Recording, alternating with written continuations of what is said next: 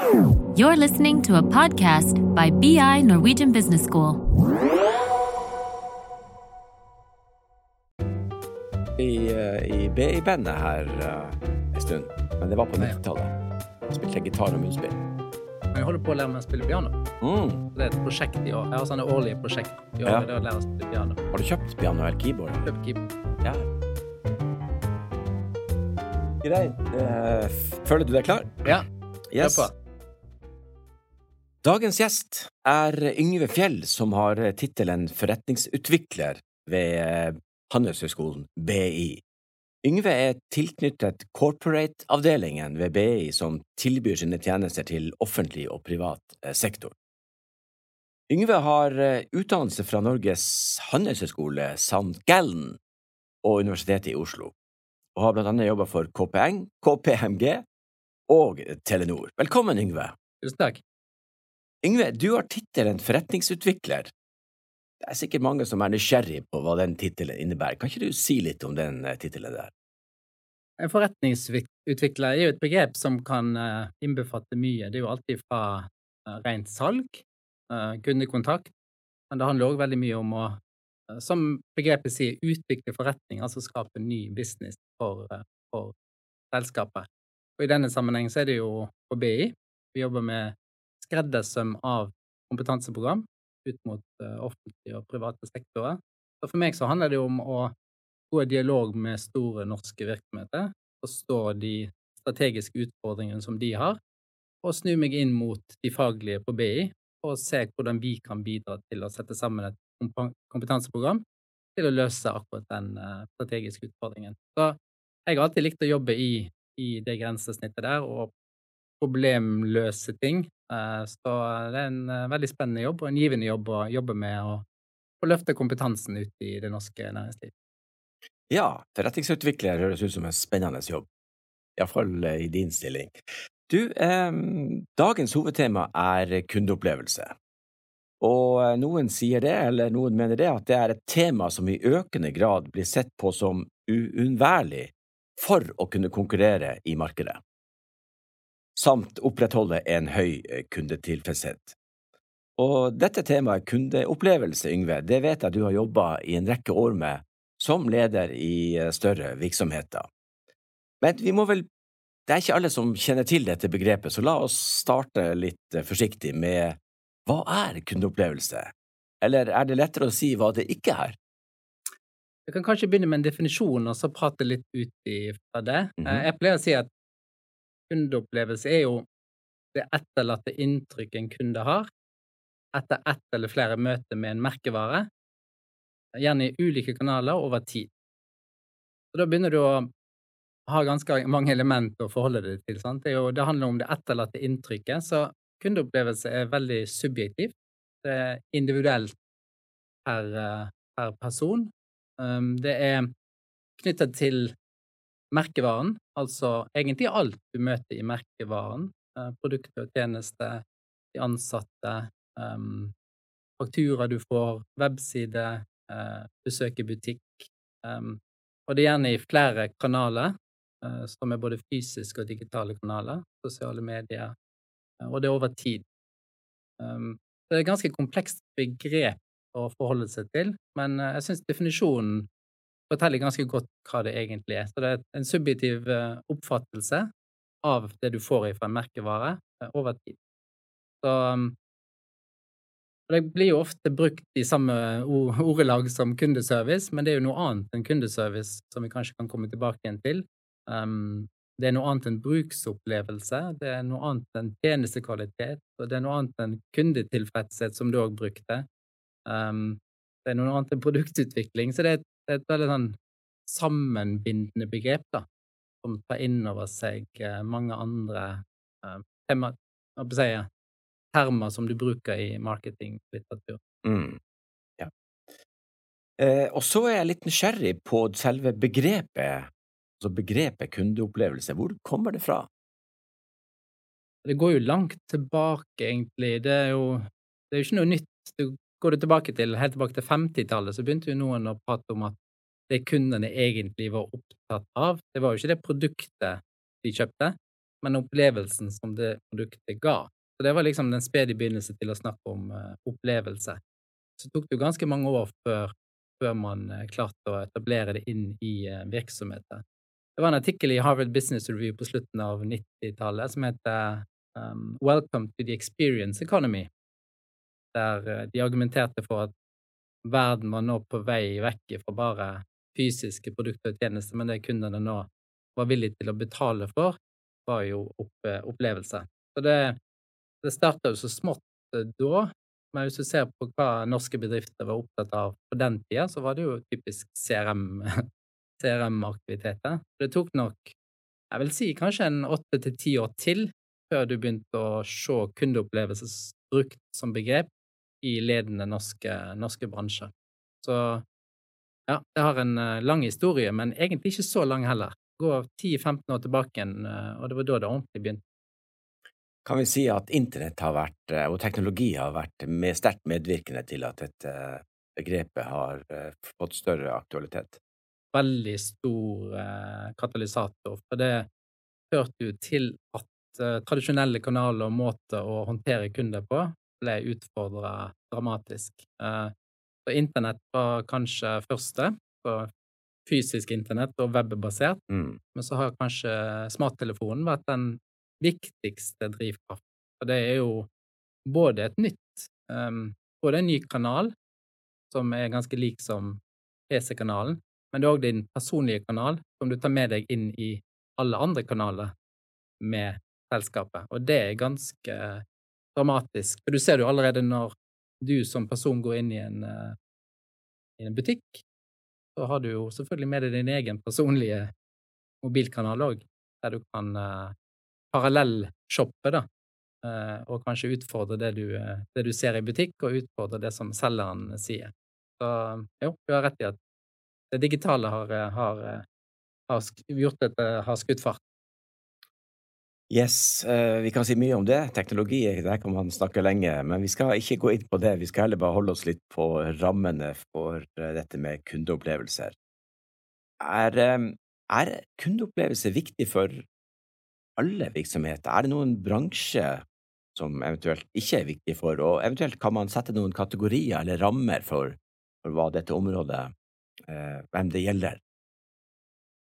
Kundeopplevelse er noe som er viktig i utgangspunktet for alle virksomheter. Um, men det er jo noen drivere som gjør at det er viktigere i noen bransjer enn andre. Jeg uh, synes jo det er alltid lurt når du begynner å stille spørsmål om dette er viktig for oss og min bedrift, så må du gå til dine kunder og gjøre en kartlegging, og, og se på er det drivere i, i markedssegmentet ditt nå som gjør at kundeopplevelse begynner å seile opp som et viktig initiativ internt som du må løfte. Er det økende kundeforventninger? Det har vi jo sett, og det er jo det som kanskje gjør at dette er like aktuelt for B2B som for B2C. Man tar med seg de forventningene og de opplevelsene man har fått fra en annen bransje, inn og i eh, B2B-sammenheng. Um, ser du at kundereisen har blitt mer kompleks? Uh, det er ikke bare dine kanaler og dine relasjoner som blir brukt når du skal ta en kjøpbeslutning, men men dine B2B-beslutningstagere bruker mange andre kanaler. Hvis du ser at det er i ferd med å gå opp, så blir kundeopplevelse viktigere. Um, dette med at um, relevansen i hva kunden prefererer uh, Vi så jo det nå med covid, hvordan, hvordan både merkevare gikk opp og merkevare gikk ned av at preferansen endrer seg. Er det stor pristransparens? Uh, er det lett å kopiere dine produkt? Eh, begynner fysisk beliggenhet å bli mindre viktig, eh, og det er vanskelig å nå fram med markedsføring.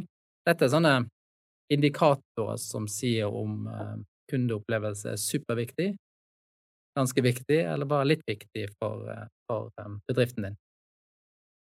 Du var inne på dette med forskjellen på B2B og B2C, og ofte så tenker man jo at kundeopplevelse er handler primært om B2C-markedet. Ehm, men eh, det å, eh, å, utvikle program for B2B er sikkert viktig, det også. Kan du mm. si litt om de forskjellene der, eh, eller eventuelt hvilke forskjeller som, som, som er mellom B2C og B2B, da? det er jo en del forskjeller, så klart. Hvis vi går tilbake til definisjonen, så, så husker vi jo at, at kundeopplevelse var noe Et etterlatt inntrykk og noe subjektivt og, og personlig. Så i og med at det er personlig og subjektivt, så, så vil det jo kanskje da automatisk tenke at det er viktigere i en B2C-setting enn i en B2B, og det tror jeg er litt riktig òg. Um, I en B2B-setting så har du gjerne mange relasjoner å forholde deg til. Sant? Du har uh, beslutningstaker om kjøpet skal skje, så er det kanskje en bruker av det du skal kjøpe, og du har en økonomisk interessent og mange andre interessenter internt i uh, bedriften. Da. Så det, det er nok større informasjonsutveksling i en B2B-setting, som gjør at òg kundereisene blir mye mer eh, komplekse. Og så er det jo så det er ikke sånn at i en B2B-setting, så når du er personlig misfornøyd som en innkjøper, så kan du bare avslutte et kundeforhold. Det kan du jo i en B2C-setting.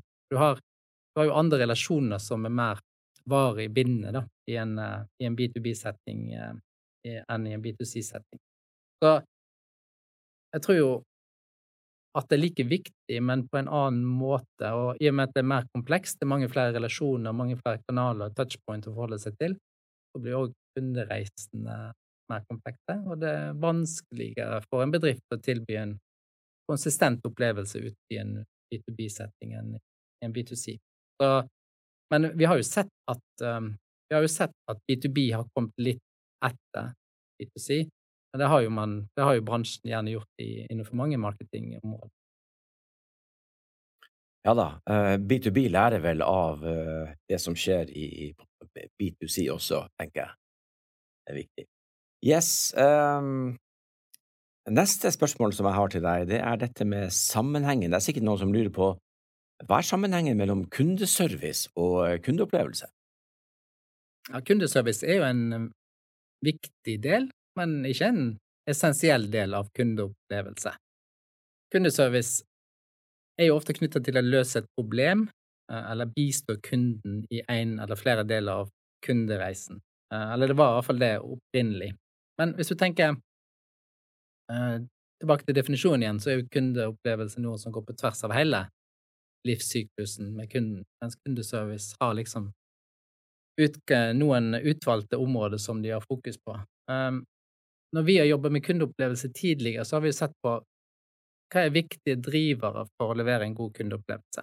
Så i et av de større konsulentselskapene som jeg kommer ifra, så snakket man om at i bunnen så må det ligge tillit. Sant? Tillit mellom deg som individ og, og, og bedriften du ønsker å, å, jobbe med. Neste nivå er problemløsning, og der kommer jo kundeservice inn som en veldig viktig faktor. Når et problem oppstår, så har du en unik mulighet til å skape en supergod opplevelse. Sant? Du kan være veldig misfornøyd med et eller annet som skjer på et hotell eller, en, eller, en, um, eller i en butikk, men hvordan de håndterer det problemet, og hvordan de klarer å snu det om til en god opplevelse, kan gjøre at du blir enda mer fornøyd enn du ville blitt hvis ikke det problemet hadde oppstått. Paradoksalt nok. Mm. Noe som heter recovery paradox. Um, så kundeservice er superviktig. Så problemløsning er viktig. Um, forventningsstyring er òg en viktig element av kundeopplevelse. Sant? At jeg kan formidle til mine kunder hva de kommer til å forvente, sånn at jeg kan klare å levere en opplevelse som er enda bedre enn det. En opplevelse, hvis du ser på hva det er psykologisk, så er det jo ikke noe annet enn at det er noe du opplever versus det du forventer at du skal oppleve. Sant? Du har alltid en opplevelse uansett hva som skjer. Så dette med forventningsstyring er jo noe som inngår i kundeopplevelse, men ikke i kundeservice. Og så har du dette med tid og enkelhet. Folk er jo blitt veldig uh, utålmodige, så de vil ha enkle løsninger. Um, og her er det jo òg mulighet å både tilby noe som kunden vil ha, og som òg er billig for, uh, for bedriften å levere. Dette med selvbetjeningsløsninger. Vi kan jo prate litt mer om det hvis vi snakker litt om business case og mm. hvordan få lønnsomhet i det her. Eh, et femte element innenfor kundeopplevelse er jo dette med personalisering. At vi snakker til deg som individ. Det er òg kundeservice blitt flinkere til. Når du ringer inn, så vet de hvem som ringer, og de har, eh, de har gjerne skjønt problemet som du har, før du nesten skjønner det, og de klarer å tilby skreddersydde produkter og løsninger til deg. Um, så der er litt relasjon med kundeservice. Og så på toppen, siste element, er jo dette med empati. Evne til å leve, leve seg inn i kundens situasjon. Og der er òg kundeservice uh, en, viktig, en, viktig, spiller. Men uh, det er um, Kundeopplevelse har nok en mer eh, spesiell funksjon, mens kundeopplevelse går mer på tvers. Ja. Da fikk jeg med meg noen penger om at kundeservice er jo ofte noe som skjer i etterkant Uh, og i, i, mange sammenhenger, da, ikke i alle, selvfølgelig. Og at kundeopplevelse dreier seg i Altså, et, et, viktig poeng der er hvilke forventninger man har. Ja. Så det var et spennende poeng. Ja, og det tror jeg er essensielt i å klare å levere en god kundeopplevelse. Da må du forstå at ulike mennesker har ulike typer forventninger. sant? Da kommer du tilbake til segmentering og profilering av kunder og bygge det du kaller personas. Mm. En, en, en, ung eller en kvinne eller en gammel eller en teknologisk savvy person mm. Vil jo ha andre forventninger. Og kanskje òg disse forventningene nå er noe du ikke kan påvirke så mye. Og de forventningene bygges gjerne av dine konkurrenter eller andre bransjer. Det er jo litt det mange norske bedrifter nå har opplevd. Sånn. Du har uh, du bruker Google, du bruker Facebook, du, du bor på fine hotell eller du er på Amazon og shopper. Tenker du at hm, dette var enkelt. Dette bør jo egentlig alle norske bedrifter også klare å levere. Ja. Og så er ikke det det du møter, og da blir opplevelsen dårlig, og du blir misfornøyd. Påstanden er at uh, det er ikke så mange som uh, har et program for kundeopplevelser fra A til Å, og det er jo litt av mitt neste spørsmål, da. Um, er det vanlig å utvikle et, et kundeopplevelsesprogram for hele kjøpsprosessen? De som har kommet lengst, eh, har jo satt dette i et ordentlig system, der de har, eh, der de har eh, kartlagt, gjerne kartlagt hele kundereisen sin. Sånn er kundereisen vår i dag. Det er der det starter. Det er det mest kraftfulle verktøyet du har for å begynne å jobbe med kundeopplevelse. Det er det som kalles kundereisen. Du kan ha mange, kan ha mange definisjoner der òg, men la oss si at kundereise enkelt sies er det som skjer fra du blir oppmerksom på et produkt, til du, til du avslutter forholdet til den merkevaren. Og hvis du da går inn og begynner å kartlegge det og finne ut hva som skjer, hva forventninger kunder har, hvilke behov har de, hvor leverer vi godt, hvor leverer vi dårlig, da begynner du å tegne opp et sånt helhetlig kart over hva kundeopplevelsene er. De som er de som er kommet lengst, har, har, disse kartene hengende på veggen og vet hva de skal jobbe med framover, og har satt det i system. Og har da begynt å ansette de rollene som trengs både for å ja, finne kundeinnsikt, um, tenke strategisk rundt dette her, uh, drive med tjenestekvalitet. Så, men de fleste har ja, 98% av bedriftene har nok ikke kommet så langt. De har ikke, uh, de har ikke folk gjerne. De har ikke, de har ikke dedikerte roller til å jobbe med det. Så det de jobber med typisk, er å finne hvor er det smertepunkt, hvor leverer vi dårlig i dag, det må vi fikse. Det blir litt sånn klattvis. Um, men det er jo viktig, det òg, for det er jo en, en dårlig opplevelse er jo, er, jo, er jo, ikke bra for verken topp- eller bunnlinje. Jeg vil ikke si at det er vanlig, men, uh, men det er at typisk fokus nå på å prøve å sikre sømløse kundereiser da, på tvers mm. av kanalen. Så i, i, Telenor i sin tid så jobber vi både strategisk uh, med, med kundereiser, sånn business case og transformasjonstenkning, skifte, skifte mennesker fra en kanal, dyrkanal til en billig kanal og mm. riktig kanal. Og man jobber mer operasjonelt, som jeg sa, med å finne hvor er vi dårlige, og la oss gjøre et eller annet for, for å fikse det. Det er jo eh, akkurat som en eh, Jeg tenker da, når jeg snakker om kjøpsprosessen, så bruker du ordet kundereise, så tenker jeg at det er tre stadier i en sånn prosess. Det er altså da den prosessen hvor kunder eventuelt må lete etter en leverandør, um, eventuelt har en leverandør, førstegangskontakt, og så har du da denne eh, perioden hvor du da jobber med, med hvor leverandøren da jobber med å forstå kunden og argumentere for hvorfor dette produktet eller tjenesten er det rette. Og så har du kategori tre, da, som er den eh, Eller, ja eh, Ettersalg, medsalg, eh, kryssalg, som den tredje del av prosessen, da. Og så tenker jeg det at ofte, iallfall når jeg er på nettet og er i en sånn type innkjøpsposisjon, da, så, så, så legger jeg merke til hvor dårlig de er når jeg er på jakt. Altså hvor få som er til stede i den første delen av fasen, uh, mens de fleste har mye ammunisjon kanskje på siste del av fasen min, uh, så like før jeg skal bestille. Mm. og da er, da er, det ofte for seint, tenker jeg. Mm.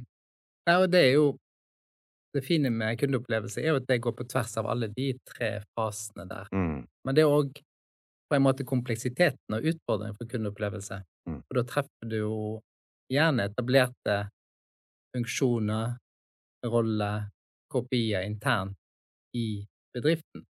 Sant? Du har, du har folk som jobber med marketing og er flink på marketingfasen. Mm. Kanskje ikke så flink som at de når deg eh, alltid med riktig budskap, men du har folk som jobber med salg, skal prøve å konvertere deg til et salg, og du har gjerne folk som jobber med dualitetsbygging og kundeservice og, og ettersalgsfasen. Uh, og um, det kundeopplevelsen prøver å gjøre, er jo å prøve å bryte ned disse etablerte siloene og kopier som kanskje virker mot hverandre, og prøve å se kundens reise og skape den så sømløs som mulig, og at målet da er at hver gang kunden er i berøring med oss som bedrift, så skal vi tilføre noe verdi, basert på det som har skjedd tidligere i kundereisen, og basert på det som skal skje senere. og det er jo mm, Det er utfordrende når du skal komme inn og kanskje etablere en ny enhet som jobber på tvers av disse. Det er, sånn, det er en rolle som handler litt om diplomati og selge inn ideer og få folk med seg òg. Vi kan komme tilbake til litt av de kompetansene og rollene som kreves. Mm, absolutt. Men ikke sant, vi var inne på dette med siloer, og siloer skaper jo uh, altså dette med ansvar og ansvarsområder og roller, da. At det blir en uh, uenighet, konflikt internt, som gjør at man ikke får gode program for kundeopplevelse, rett og slett. Kan være Tinder. Ja, det kan mm. det. Og det er jo det, jo det, er jo ikke noe nytt for en bedrift. Det har jo alltid vært uh, smertepunkt mellom marketing og salg og service, sånn sett. Um, men dette Du har jo òg dette med branding og merkevare. Det henger jo veldig tett sammen med, med kundeopplevelse. Så gå tilbake til gå tilbake til tidlig 2000-tall og utover 2000-tallet, så var det jo fokus på CRM, og så kom jo dette med merkevarebygging og brand experience veldig i vinden. Eh, og så har det kanskje gått litt, uh, litt ned igjen, og så har kundeopplevelse kommet opp. Men alle disse tre henger jo veldig tett sammen. Og hvis du ser på merkevarebygging og marketing, de er jo de som gjerne da skaper De ligger jo ofte over kundeopplevelse. Merkevare er jo det høyeste mm. du kan komme på. Det er jo nesten forretningsstrategien din. sant? Det er jo det som da skaper forventning, og det er jo de som bestemmer hva posisjon denne merkevaren skal ha i markedet. Uh, og prøver å, prøver å, påvirke kundene til å, til å, Både kunder og mulige kunder til å, til å oppleve det. Så er det opp til bedriftene og klare å levere på det i en god kundeopplevelse når de møtes i, i de ulike kanalene. Så de må, jobbe, de må jobbe tett sammen. Så siloer må brytes ned, de må samle seg rundt en felles oppfatning om innsikt rundt kunden, og prøve å ha en del kopier på tvers som, som gjør at disse kundereisene blir så sømløse som mulig. Stort og spennende tema, Yngve. Du, Eh, kundeopplevelse er vel ikke gratis? det har en pris. Du, eh, altså noe, noe, konkret eh, Spørsmålet mitt er kanskje vanskelig å svare på, men sånn generelt, altså det er kostnader forbundet med å utvikle kundeopplevelsesprogram. Um, kan man si noe Man kan selvfølgelig ikke si en konkret pris, men hvordan setter man opp et budsjett, for eksempel? Hvordan tar mm. man utgangspunkt? Hvor starter man? Mm. Spennende spørsmål. Spennende spørsmål. Og det er jo Så en kundeopplevelse leverer du uansett, sant? Så lenge du tilbyr et produkt, så, så kommer det òg en kundeopplevelse med det. Og en kundeopplevelse trenger i utgangspunktet ikke koste noe ekstra. Eh, det handler jo gjerne om å være bevisst på det, men av og til gjør jo det. Sant? Hvis du ønsker å konkurrere og skille deg ut på kundeopplevelse, så må du kanskje da være villig til å bruke litt ekstra penger på de øyeblikkene som betyr noe for kunden. Og da må du finne ut hva de øyeblikkene faktisk er. Så det går jo tilbake igjen til, til innsikt. Du må, du må vite hvilke moments eller hvilke øyeblikk som er mindre viktig, og hva som er viktig. Det er jo et, det første du må gjøre når du skal begynne å kartlegge hvor du skal sette opp uh, dette budsjettet. Um, du kan for eksempel finne ut at det er mange aktiviteter som du da i dag gjør fysisk, som kunden egentlig vil foretrekke å gjøre sjøl. Og da har, du en, da har du et business case allerede der. sant? Du må prøve, å, Når du skal sette opp et budsjett eller et business case, så må du prøve å argumentere ut ifra de punktene her. Her bruker vi 40 selgere på så mye, mens hvis vi investerer en 2,5 million i å selvbetjene det, så kan de frigjøres til å bruke tid på annet, en annen del av kundereisen som kan tilføre, tilføre enda mer verdi. Så for de som skal argumentere for uh, kundeopplevelse, og det tror jeg man må bli mye flinkere til, for kundeopplevelse er ikke nødvendigvis på topplederens agenda hver dag. Det tror jeg en av grunnene skyldes at de ikke har klart å de har ikke klart å linke kundeopplevelses-KPI-er og løfte i de med de finansielle tallene som ledelsen gjerne um, har fokus på. Så, så, jeg tror nok et budsjett på kundeopplevelse gjøres litt sånn pragmatisk. Man, uh, man måler hvor gapene er, eller hvor mulighetene ligger, og så prøver man å estimere ok, hva vil det da uh, kunne gi oss i økt topplinje eller bunnlinje for å møte kundens forventninger. I Telenor så jobber vi sånn. Når jeg sa at vi jobber litt strategisk i Telenor, så gjorde vi nettopp det. Sant? Du sa at de digitale kanalene kom og, og dis disrupte oss, og det var jo òg en enorm mulighet for, for telekomselskapene. sant? som hadde brukt mye penger på å håndtere kundeanvendelser på telefon eller håndtere kundeanvendelser i butikk. Og hvis man da kunne skifte de henvendelsene til en selvbetjeningskanal eller en rimeligere kanal, der kundene hjalp hverandre, kanskje, så er jo det et enormt business case når du tenker på hvor mange kunder typiske telekomselskap har, og hvor mange henvendelser de får i, i år. Det var da gjerne utgangspunktet for å, for å ha en strategisk prioritet på ting. Mm. For den den skiftet av kundens atferd, det skjer jo ikke av seg sjøl. Hvis du er vant til å komme til butikk for å løse en ting, hvis du er vant til å ringe kundeservice, så må jo du aktivt gjerne påvirkes eller motiveres da, til å skifte. Og der har du um, Jeg vil ikke si at nødvendigvis kundeopplevelse koster noe. Du kan både få større eller du kan få innsparinger ved å gjøre riktige ting, og du kan bruke en del av de innsparingene da, til å til å putte pengene der kunden faktisk kommer til å verdsette. Og når jeg sier verdsette, så, så er jo det en positiv opplevelse, og det fører jo gjerne ofte til at man prater varmt om merkevaren, så går MPS-scoren din opp, eller man velger å bli lenger med deg som selskap, altså at lojaliteten øker, og at du får større, større inntekt per kunde. Jeg tenker at en eh, Hvis man ser da på at et firma uh, er utsatt for silotenkning da, og erkjenner det da, så eh, er det kanskje litt for mye forlangt å forlange da at man gjør en, en fullstendig eh, organisasjonsendring i, i, forretningsmodellen. Slik at man tar kanskje deler av denne prosessen, altså disse fasene i, i, kjøpsprosessen.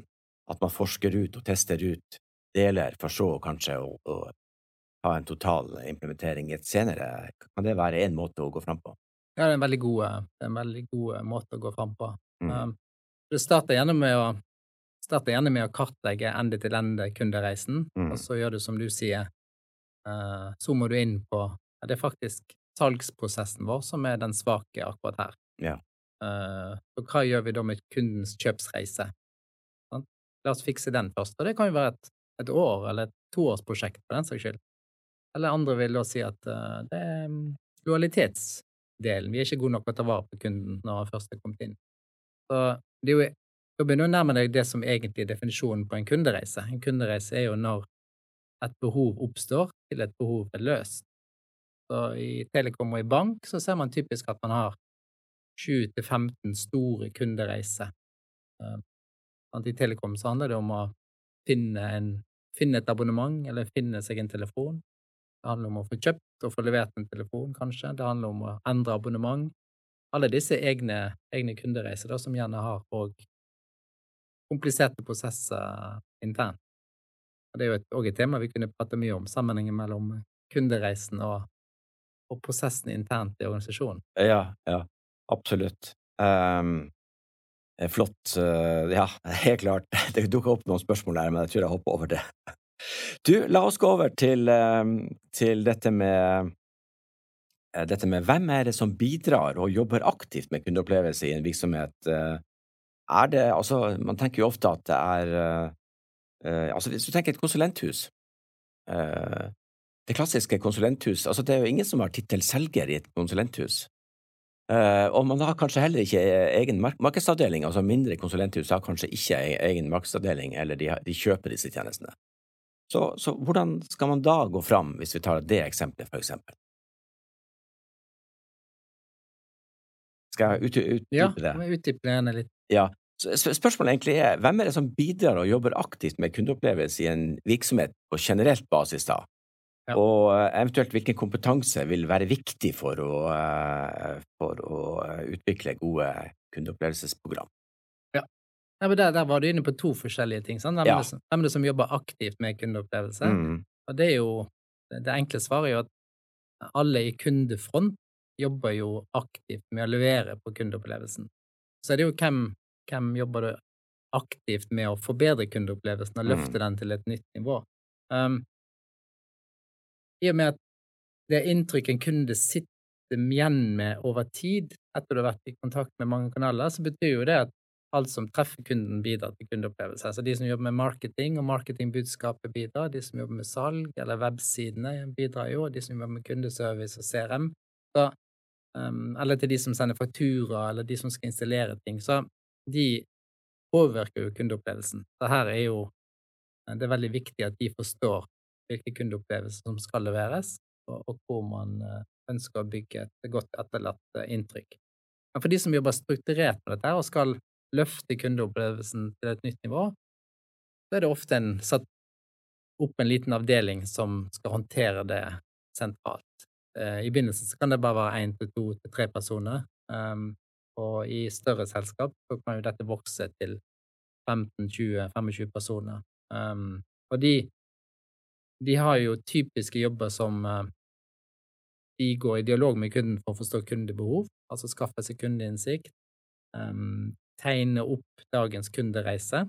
Sant? Så tjenestedesignere er jo en viktig rolle å ha, for de er, de er flinke både i å ha dialog med kunden skape gode kundeprofiler og tegne opp eh, kundereisen. Du må ha noen som òg klarer å tenke litt strategisk og business case, for du skal da gå inn og analysere, sånn som du sa tidligere, at um, hvilke områder skal vi starte med? Hva er strategisk viktig å gripe fatt i nå? Hvor skal vi transformere oss?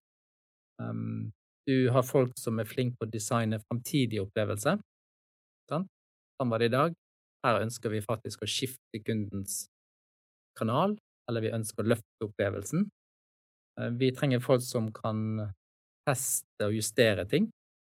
Pilotere ting, teste og få feedback. Eh, du må ha folk som kan jobbe inn mot organisasjonen.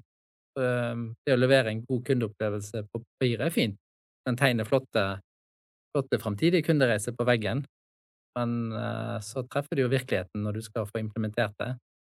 Så du må ha folk som kan snakke med arkitekt, IT-folk internt, du må ha folk som kan skjønne forretningsprosessene, eh, folk, du må ha folk som skjønner organisasjonen, og hvem er det som faktisk skal endre dette der. Og så må du ha folk som sitter og, og måler effekten. Måle effekten og måle på de kopiene som du, skal, som du må ha på plass for å teste, teste opp kunde, kundeopplevelsen. Som igjen da gir input til nye prioriteringer av hva skal vi nå fokusere på. Så vokse seg eh, fra en liten avdeling som kanskje har en, en strategisk person, sammen med en tjenestedesigner, til å bli et, eh, en helhetlig avdeling. Yes, eh, spennende dette med, dette med kompetanse, da. Er, er, så det er det som du sier, dette med innsikt å skaffe innsikt, altså informasjon om kundens eh, behov og kundereise, det er jo ikke bare bare, liksom, å skaffe den informasjonen. Altså, man snakker om big data, og man omgir seg med med mange ord omkring det, og så, eh, så skal man gjøre dette. Hvem skal gjøre dette i en virksomhet? Er det avsatt stillinger til dette? Er det avsatt lønn og budsjett?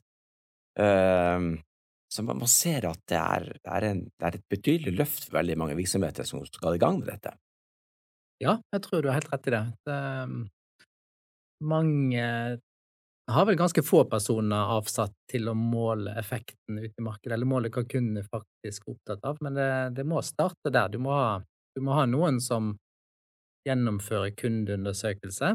Um, det er jo kanskje et minste, minste krav. Og så kan du òg slippe unna med et Vi ser jo fra erfaring fra både konsulentverden og fra Telenor at bare det å gå ut og møte kunden fysisk og prate med Du trenger ikke være utdannet en researcher eller analytiker. Bare det å være i dialog med kunden og stille åpne spørsmål, observere de gjennom ulike steg på kundereisen, gjør egentlig at du får enormt mye innsikt.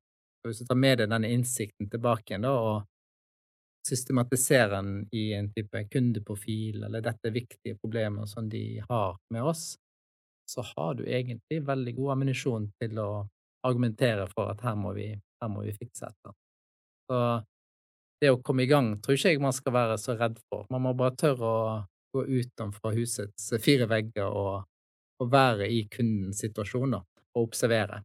Jeg tror observasjon eh, som analyseform er viktigere her enn uh, spørsmålsstilling. Mm. Uh, ja. Se hva kunden faktisk gjør. Mm. Og kanskje spesielt da innenfor komplekse salg, da. At dette er mer krevende enn mm. en kunder kjøper kjente og kjære produkter som, som, som er lettere å forstå motivet bak. Mm. Du, er det noen virksomheter i Norge du vil trekke fram når det gjelder kundeopplevelse, som, som er spesielt dyktige på dette her? Ja det er mange som er, mange som er dyktige på kundeopplevelse. Vi har jo, um, vi har jo uh, vårt kjære vinmonopol. Ja. ja. En, hvis du skal snakke litt om en offentlig aktør som, som, um, som offentlig ikke er alltid kjent for å være de, de fremste i skoene på kundeopplevelse, men uh, Vinmonopolet vant jo en kåring på beste kundeopplevelse her for et par år siden, og det viser at det lønner seg å jobbe målrettet med de kanalene de har, og den opplevelsen du får når du, når du kommer i butikk. Så de er flinke. Du har jo òg eh, Flytoget, som veldig mange er fornøyd med, og har vært fornøyd med helt ifra dag én. Mm. Det er en uh, veldig strømlinjeforma organisasjon og en strømlinjeforma opplevelse, og de jobba Det var en av de første virksomhetene i Norge som jobber ordentlig målretta med design, uh, designe den opplevelsen de ville ha, og måle veldig detaljert på hva kundene syns. Kjempeflink. Um, du har jo òg eh, hotellbransjen. Um, ja, Choice-kjedene Choice har jo gjort det bra. Du har jo eh, Specsavers uh, innenfor optikk, apotekkjeder. En del apotekkjeder skiller seg ut. Um, så du ser jo her at mye av dette handler jo om uh, selskap som er mye i kundemøter. Mm. Mm.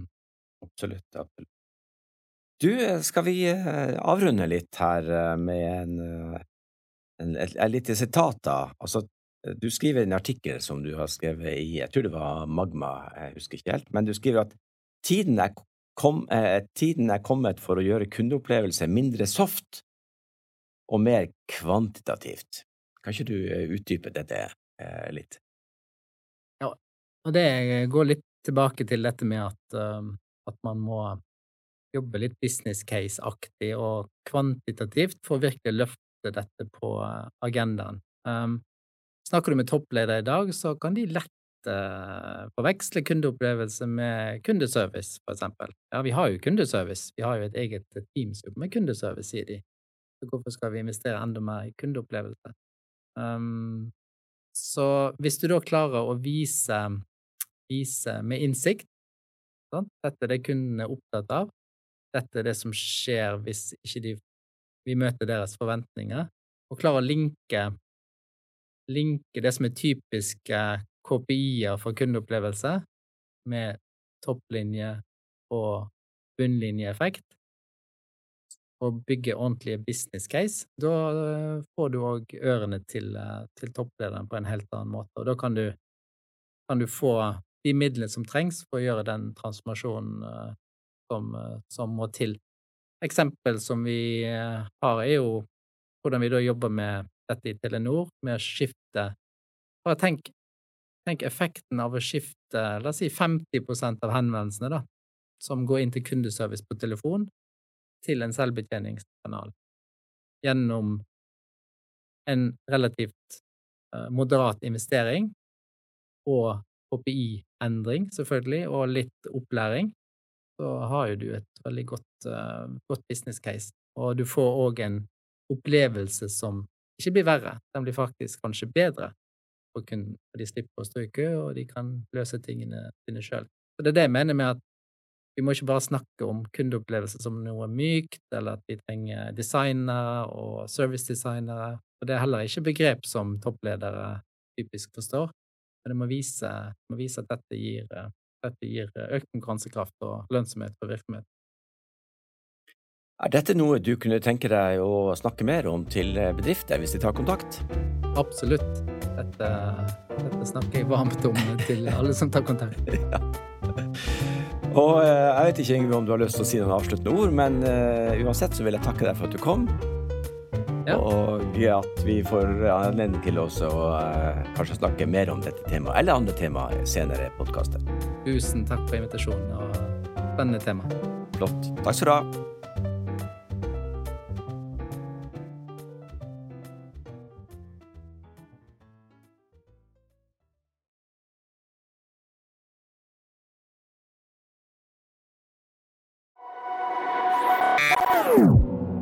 Is a BI production. Listen to more podcasts.